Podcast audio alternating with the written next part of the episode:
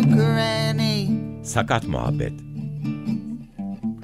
Where did your husband, my granddaddy, go? Sağlamcı zihniyete kör topal bir muhalefet. Where did your husband, my granddaddy, go? Hazırlayan ve sunan She Alper Tolga Akkuş. He went off to heaven just before you were born. She said went off to heaven just before you were born. And she said, You are the light of my life and the beat of my heart. She said, You are the light of my life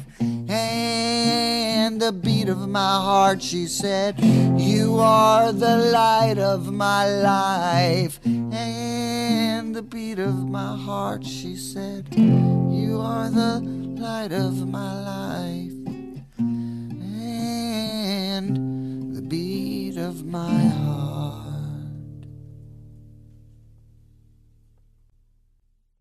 Merhaba. Açık Radyo'ya, Sakat Muhabbet'e, Sağlamcı Zihniyet'in Kör Topal muhalefetine hoş geldiniz. Ben Alper Tolga Akkuş. Bugün 11 Nisan 2023 Salı. Bugünden tam 33 gün sonra 14 Mayıs 2023 Pazar günü Türkiye yeni bir seçim heyecanıyla karşı karşıya kalacak. Cumhuriyet'in 100. yılında bu seçimin önemi hepimizin malumu. Peki sakat bireyler, sakatlar, engeller seçimlerde ne gibi deneyimler yaşayacak? Bugüne kadarki seçimlerde neler yaşadılar gibi konuları ele alacağız bugünkü programımızda. Sakat vatandaş diye bir başlık buldum ben. Vatandaş kelimesi de oy verme işlemini yansıtan esprili bir tanımdır tabii Türkçemizde. Ve bu hafta benim sevdiğim bir abim, uzun zamandır kendisiyle görüşme imkanı bulamıyordum ben. Ben tabii onu İHOP'tan, İnsanlıkla Ortak, Ortak Platformu'ndan, Eşit Hakları İzleme Derneği Eşit'ten tanıyorum. Bu hafta Necat Taş'tan benim konuğum. Necat abi, Açık Radyo Sokak Muhabbeti hoş geldin abi. Nasılsın, iyi misin? Hoş bulduk. Çok teşekkür ederim. İyiyim. Görüştüğümüze ben de çok sevindim. Uzun zaman oldu. Evet abi ben de tabii İHOP ve Eşit Haklar Derneği'nde daha önce seçimlerde çalışmalar yapmıştım. İki seçimdi galiba yanlış hatırlamıyorsam. Şimdi abi önce seni tanıyorum. Ben Hendrik Böll sayfasında şöyle kısa bir şey buldum senin hakkında. Onu okuyayım. Orada bir varsa senin ekleyeceğin sen de eklersin. 64 Adıyaman doğumlu. İHD, TİHİV ki İnsan Hakları Derneği ve Türkiye İnsan Hakları Vakfı Eşit İzleme Derneği üyesi. Ay bunların dışında kendi sakatlık durumunu da belirterek özetlersen kendi geçmişini, deneyimlerini öyle başlayalım istersen.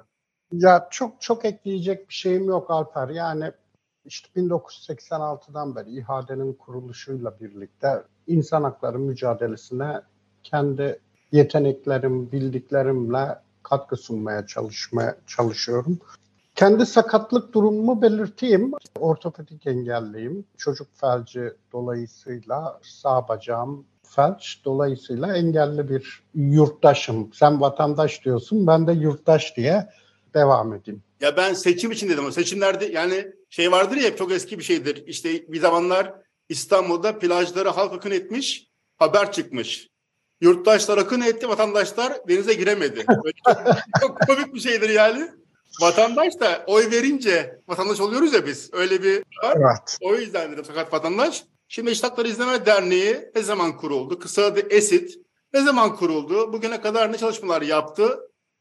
Şöyle söyleyeyim Alper'cim dinleyiciler için sen önemli kısımlarını biliyorsun zaten. Biz 2010 yılında kurulduk. Çok tesadüftür. Yani ayrımcılık izlemesi yapmak üzere kurulduk ama çok tesadüf kurulduktan 7 ay sonra Haziran ayında, 2011'in Haziran ayında seçimler vardı. Milletvekili genel seçimleri. Biz ilk faaliyet olarak seçme ve seçilme hakkına erişimi izleyelim diye karar aldık. Ve bir AGİT e, uzmanıyla birlikte bir Türkiye'de dezavantajlı grupların seçme ve seçilme hakkına erişimiyle ilgili bir metodoloji oluşturma toplantısı yaptık. Sonra bunu sivil toplum örgütleriyle paylaştık. Yani engelli örgütleri, kadın örgütleri, azınlık örgütleri onların katkılarını aldık ve o günden beri de Türkiye'de yapılan seçimleri izliyoruz. Örgüt olarak kimler seçme ve seçilme hakkına erişemiyor meselesine bakıyoruz. İkinci baktığımız şey uluslararası standartların Türkiye seçim mevzuatında ne kadar etkili olduğu. Üçüncü baktığımız şey Türkiye'de oy sayımlarının ne kadar şeffaf yapıldığı ve bunun bilgisinin kimler tarafından öğrenilebildiği ile ilgili. Böyle bir metodolojimiz var. Durum bu genel itibariyle Alperciğim. 2014 yılında Cumhurbaşkanı seçimin sonrasında bir rapor yayınladınız. Sen de o raporun hazırlar arasında vardın. 75 sayfalık bir rapor bu. Tam adı da 2014 Cumhurbaşkanlığı seçimi gözlem raporu. Abi o raporun ikinci sayfasında ayrımcılık yapılıp yapılmadı, yapılan dair cevaplar diye bir kısım var. Bir işte diyagram, bir grafik var orada. Sayılar, rakamlar var. Ben şimdi ona bakıyorum. 764 tane gözlem buraya yansımış. 156 tanesinde herhangi bir ayrımcılık yok demiş yapan arkadaşlar. Orada işte tabii dediğim gibi sakatlık değil tam alanı her tür ayrımcılık. Yani burada cinsel yönelim olur, işte yaş olur, dil olur, etnik olur hepsi var.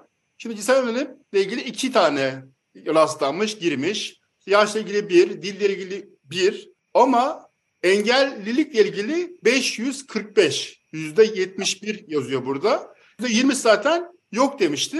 Yani olanlar için yüzde 90'ını sakatlıkla alakalı bu ayrımcılıklar. Ayrımcılıklar neler? Bu seçimlere kadar ne tür rastladın? Sen içinde olduğun için biliyorsun. Sakatlar neler yaşıyorlar? Bugüne kadar ne yaşadılar? Detayını alalım mı senden? Şöyle Alper'cim, yani bizim 2011 seçiminden başlayarak yaptığımız gözlemlerde karşımıza şöyle bir tablo çıkıyor. Söyleyeyim. Türkiye'de seçim mevzuatı seçmen kütüklerinin oluşturulmasından başlayarak adım adım çeşitli grupları dışarıda bırakıyor. Örnek veriyorum. Evsizler yani sokakta yaşayan insanlar. Seçmen kütükleri adrese dayalı olarak belirlendiği için oy kullanamıyor. Örnek veriyorum sığınma evinde yaşayan kadınlar.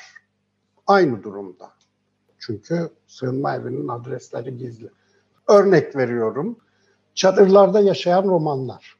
Ama engellilik meselesine geldiğimizde seçim bir süreç meselesi. İşte seçim kararı, seçmen kütükleri, adaylık, sandık kurulu üyeliği, oy verme günü ve itirazlar diye süreci izliyoruz biz. Engelliler bütün bu süreçte, bu sürecin hepsinde ayrımcılığa uğruyor. Örnek veriyorum, seçmen kütüklerinden başlayarak seçmen kütüklerini ya YSK'nın internet sitesinden ya da askıya çıktığında muhtarlıklardan kontrol edebiliyorsun. Şimdi muhtarlık binalarının erişilebilirliği bir büyük problem. İki, Türkiye'de engelli nüfus okur yazar oranı düşük.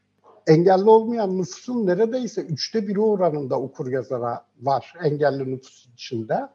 Dolayısıyla bu yöntem okuma yazma bilmeyen engelliyi, erişilebilir bir muhtarlığa sahip olmayan mahalledeki engelliyi vesaire dışında bırakıyor. Yani kontrol edemiyorsunuz. Geliyoruz adaylık meselesine. Yani Türkiye'de bugüne kadar engelli milletvekillerinin sayısına bakın bütün tarih boyunca nüfusun yüzde onunun temsil edilmediği bir meclis karşımıza çıkıyor. Çünkü bir, Türkiye'de milletvekili olmak aynı zamanda ekonomik güç gerektiriyor. Oysa engelli nüfus çalışma hakkına erişemeyen, istihdam hakkına erişemeyen büyük bir kitleyi ifade ediyor.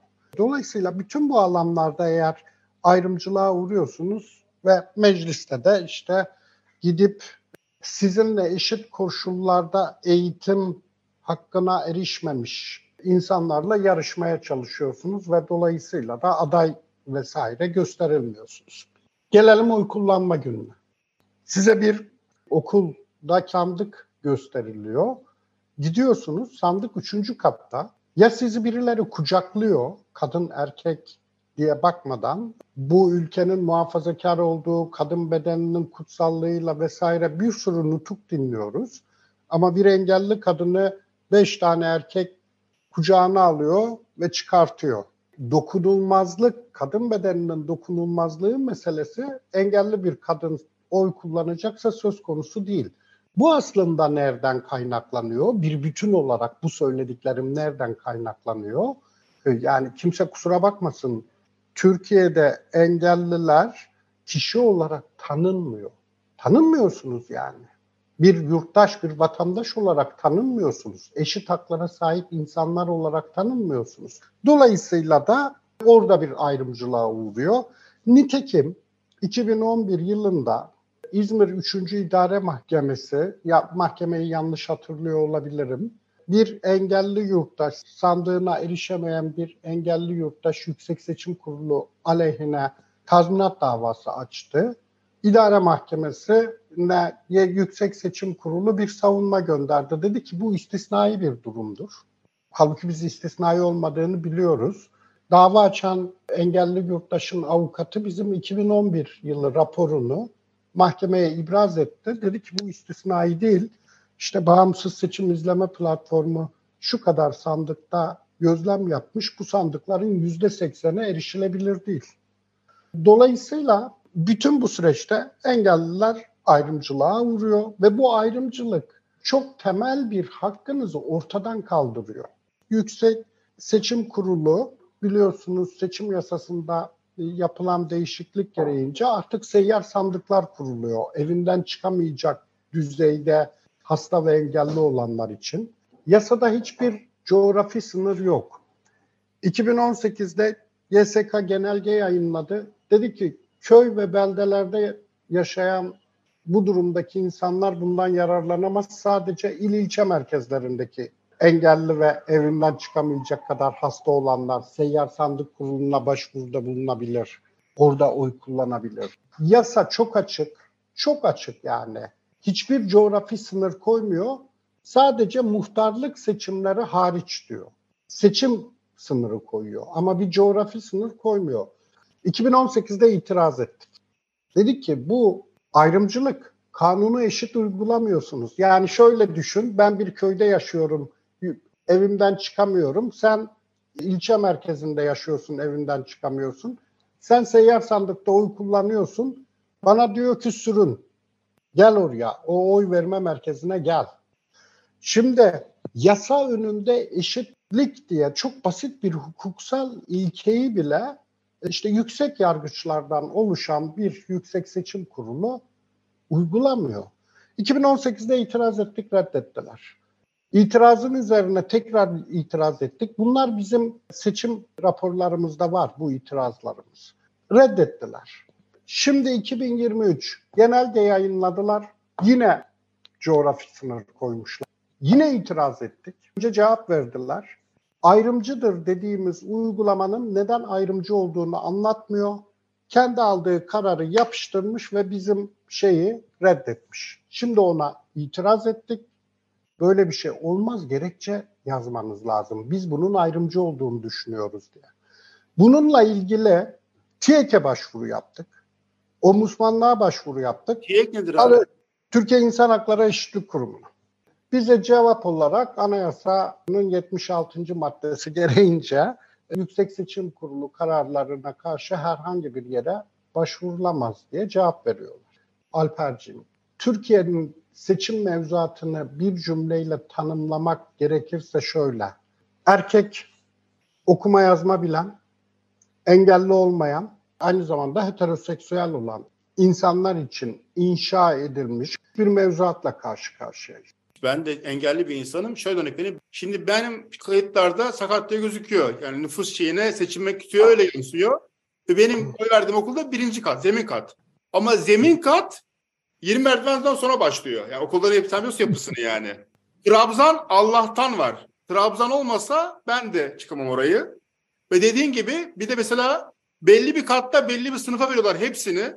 Ve yaşlılar da orada, sakatlar da orada. Orada mesela ben engelliyim bana izin verin diyemez. Herkes çünkü orada engelli yaşlı. Bunları da içeriden biri olarak söyleyeyim ben. Bizim bir müzik aramız var. Oluyor her programda. Senin aklında olan bir varsa şarkı onu paylaşalım dinleyenlerle. Var mı? Seçtin mi bir şey? Seçmedim. Aklıma ilk geleni söyleyeyim diyeceğim. Şu sulanın ufak tefek yolları varsa çal. Kimden?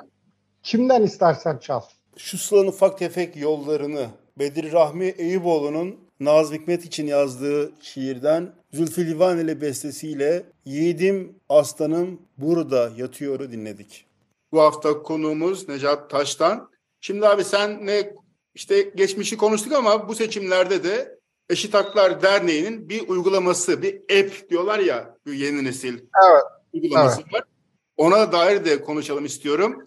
Eşit Derneği'nin hayata geçireceği bir uygulama Eşitlik Gözlemcisi adı ve iki dakikalık bir şey de var YouTube'da. Ben izledim. Tabii Eşit Derneği'nin yapısı gereği sağ altta işaret dili uygulaması var. Bir de işte görme engeller için çok tane tane sade bir şekilde anlatılmış bu iki dakikalık uygulama. Ben de YouTube'a yönlendireyim dinleyenleri, kullanmak isteyenleri onu. Eşitlik gözlemciliği uygulaması diye ararlarsa bu uygulamaya ulaşacaklardır.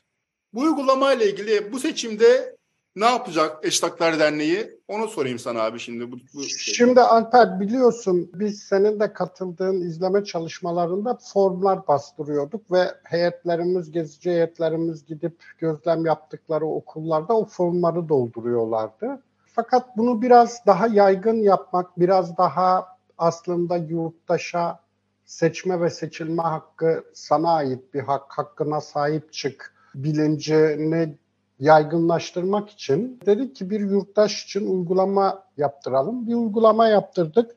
Hem Android hem e, yani Google Play ve Apple Play'de var. Her iki telefon türünde de çalışıyor.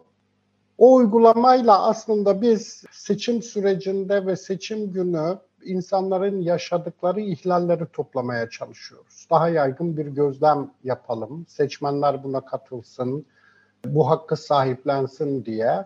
Demokratik gözetim hakkı seçimlerde bir haktır. Bir, bunun altını çizeyim. İki, bu uygulama görme engelli arkadaşlarımız için de uygun. Sadece işte internete sahip olması ve işte bir akıllı telefonu olması gerekiyor. Fakat bütünüyle engellilerin yani sadece engellilerden veri toplayalım diye yapılmış bir uygulama değil. Bütün seçmenlerden ayrımcılığa uğradığını düşünen herkesten veri toplamak için yapıldı. Mesela çok pardon benim uygulamam var. İşte 20 tane arkadaşım var engelli. Onlar kullanamıyor. Onlar yerine de yapabiliyor muyum bunu? Bir kişi isterse 20 tane bildirim gönderebilir. Çünkü orada bizzat kendi sandığım başka sandık yani başkasının dene, deneyimi ben yaşadım ya da şahidim diyebiliyor. Bir tek sınırı var Alper'cim bu uygulamanın onu söyleyeyim uygulamadan bilgi gönderecek insanlar seçim günü herhangi bir parti adına görevli olmamalı. Onu nasıl anlayacaksınız siz? O uygulamada... Bir, be, bir, bir beyanda bulunuyor. Dolayısıyla kişinin beyanına güveniyoruz. Başka test etme şansımız yok. Bunu şunun için yapıyoruz. Biz küresel ulus, ulusal yerel seçim gözlemcileri ağının üyesiyiz ve orada akrediteyiz yani bu konuştuğumuz çerçevedeki tek kriterlerin e, kriteri herhangi bir partiyle işbirliği içinde olmamanız. Dolayısıyla biz partilerle X, Y, Z hiç fark etmez herhangi bir siyasi parti adına görevli olan kişilerden başka kaynaklarda oluşmamış bir bilgi almıyoruz. Başka kaynaklardan teyit edemediğimiz bir bilgiyi almıyoruz. Bir hedef koyduk tabii ki. E, hedefimiz büyük. Yani en az 100 bin insan indirse bunu çok iyi olacak. Ama bu hedefe hedefi büyük koyduk ama şöyle bir sorunla karşı karşıyayız tabii onu söyleyeyim. Diyelim ki interneti kestiler. Bantlar atması vesaire vesaire yaptılar. Di, dijital bir dijital bir uygulamanın böyle bir riski var. Aslında bir test yaptık bir ön test. Bir uygulamanın saldırıya uğramasıyla ilgili bir test yaptık, bir uygulanmasına ilişkin test yaptık. Yani sunucunun kaldırması, yükü kaldırmasıyla ilgili. Onlardan geçtik ama seçim günü göreceğiz. Yani biliyoruz ki partilerin sistemleri de çöktü geçmişte burada. Bizimki bir yurttaş uygulaması, mütevazi bir uygulama. Umuyoruz ki işte demokratik bir seçim günü yaşayacağız. İnterneti kesmeyecekler ve e, insanlar umarız hiçbir ayrımcılığa uğramazlar ve bize hiç bilgi gelmez ama bu bilgiyi toplamak istiyoruz. Seçim Abi, günü ihlallerini toplamak istiyoruz. Geldi 100 bin kişi indirdi atıyorum 20 bin tane geldi. Sonrası ne olacak? Ne yapacaksınız? Sonrasını şöyle yapıyoruz. Geçmişte kağıtla topladığımız verileri de raporluyorduk. Bu sefer o uygulama bize bir defa seçim günü hangi ilde hangi ihlaller gerçekleşiyor haritaya dökecek ve bize bir rapor verecek. Biz o rapordan uluslararası standartlarla uyuşmayan, Türkiye mevzuatıyla uyuşmayan bütün ihlalleri kamuoyuna ve uluslararası mekanizmalara hazırlayacağımız raporla göndereceğiz. Bu hafta Necat Taştan'dı konu. Necat abi çok sağ ol. Son sözlerinizi de alayım abi. Öyle bitirelim istersen bu hafta. Bütün bütün seçmenlere ve engelli seçmenlere çağrımız şudur. Herkes gidip oylarını kullansın çünkü bu sadece bir zarfı sandığa atmakla sınırlı bir şey değil. Ülkenizin, yaşadığınız ülkenin yönetimine katılma hakkıyla ilgili bir size tanınmış insan olmanızdan dolayı size tanınmış bir hak. Dolayısıyla kadın, erkek, cinsel yönelimi farklı bütün seçmenler mutlaka 14 Mayıs'ta sandık başına gitsinler. İki, haklarına sahip çıksınlar. Hiç kimse insan onuruna yakışmayan koşullarda oy kullanmak zorunda değil. Bir takım şeyler var. Görme engelliler için bu kez ilk kez şablon kullanılacak oy pusulasıyla ilgili. Kendileri yerine hiç kimsenin anası, babası, kardeşi, eşi, kocası vesaire hiç kimsenin oy kullanmasına izin vermesin hiç kimse. Kendi iradesine sahip çıksın. Ve bunlarla ilgili, bu durumlarla ilgili bir ayrımcılık yaşadıklarında lütfen Eşit Haklar İçin İzleme Derneği'ne başvuruda bulunsunlar. Biz onlar için dava açılması gerekiyorsa dava açmayı, başvuru yapılması gerekiyorsa başvuru yapmayı taahhüt ediyoruz. Seçmenlere bir çağrımda kendinizin kullanabildiği bir hakkın başkaları tarafından da kullanılmasını istiyorsanız, yani eşitlikten yanaysanız ve demokrasiden yanaysanız bunun için bir adım atın. Bizim eşitlik gözlemcisi uygulamasını indirin ve bir oraya 5 dakikanızı ayırarak gireceğiniz bir ihlal emin olun raporun en önemli kısmını oluşturabilir. Açık Radyo'ya ve sana hani bize bu fırsatı tanıdığınız için de teşekkür etmek isterim. Abi bundan sonra da varsa öyle bir şeyiniz, projeniz, fikriniz tabii siz bana dönün şey yapılır. Ben de oy ötesi gönüllüsüyüm bu seneki seçimlerde. Mersin'in sorumlularından biriyim. Ben de oy ötesiyle paylaşacağım işte. Çünkü onların da bir uygulaması olacak tabii gene. Bunu da çünkü onu yapan onu da yapsın. Çünkü ötesinde de o şartlar var. Bağımsız olması lazım. Hiç partiyle ilişkisi olmaması lazım. Aynı eşitin uygulaması gibi aslında uygulama. Onun da şeyini yaparız. Ve şeyi de söyleyeyim ben sen vurguladın ama yani uğraşıyoruz dinliyoruz da ne yarıyor? Bir şeylere yarıyor. Belgeleniyor insan. Onu vurgulamak yarıyor. gerekiyor. Yani hiçbir şey boşa gitmiyor. Bunu vurgulamak şart bence. Yarıyor Alper'cim. Yani demokratik olmayan bir seçime çok net söylüyorum. Devleti kontrol edenler kazanır. Herkesin erişemediği bir seçimi devleti kontrol edenler kazanır. Şeffaf olmayan bir seçimi devleti kontrol edenler kazanır. Dolayısıyla mesaj açık. Yani eğer kendi düşüncenizin, kendi oyunuzun bu ülkenin yönetiminde, meclisinde, belediyelerinde temsil edilmesini istiyorsanız, iradelerinizin buraya yansımasını istiyorsanız lütfen sandık başına gidin. Oyunuzu kullanın, oyunuzu kullanmakta ısrarcı olun ve oyunuzu insan onuruna yakışır bir biçimde, gizlilik içinde başkasının müdahalesi olmadan kullanmakta ısrarcı olun. Çok çok güzel bir son söz oldu şimdi. Çok da güzel bitirdik. Çok sağ ol. Necat Taştan'a teşekkür ediyorum.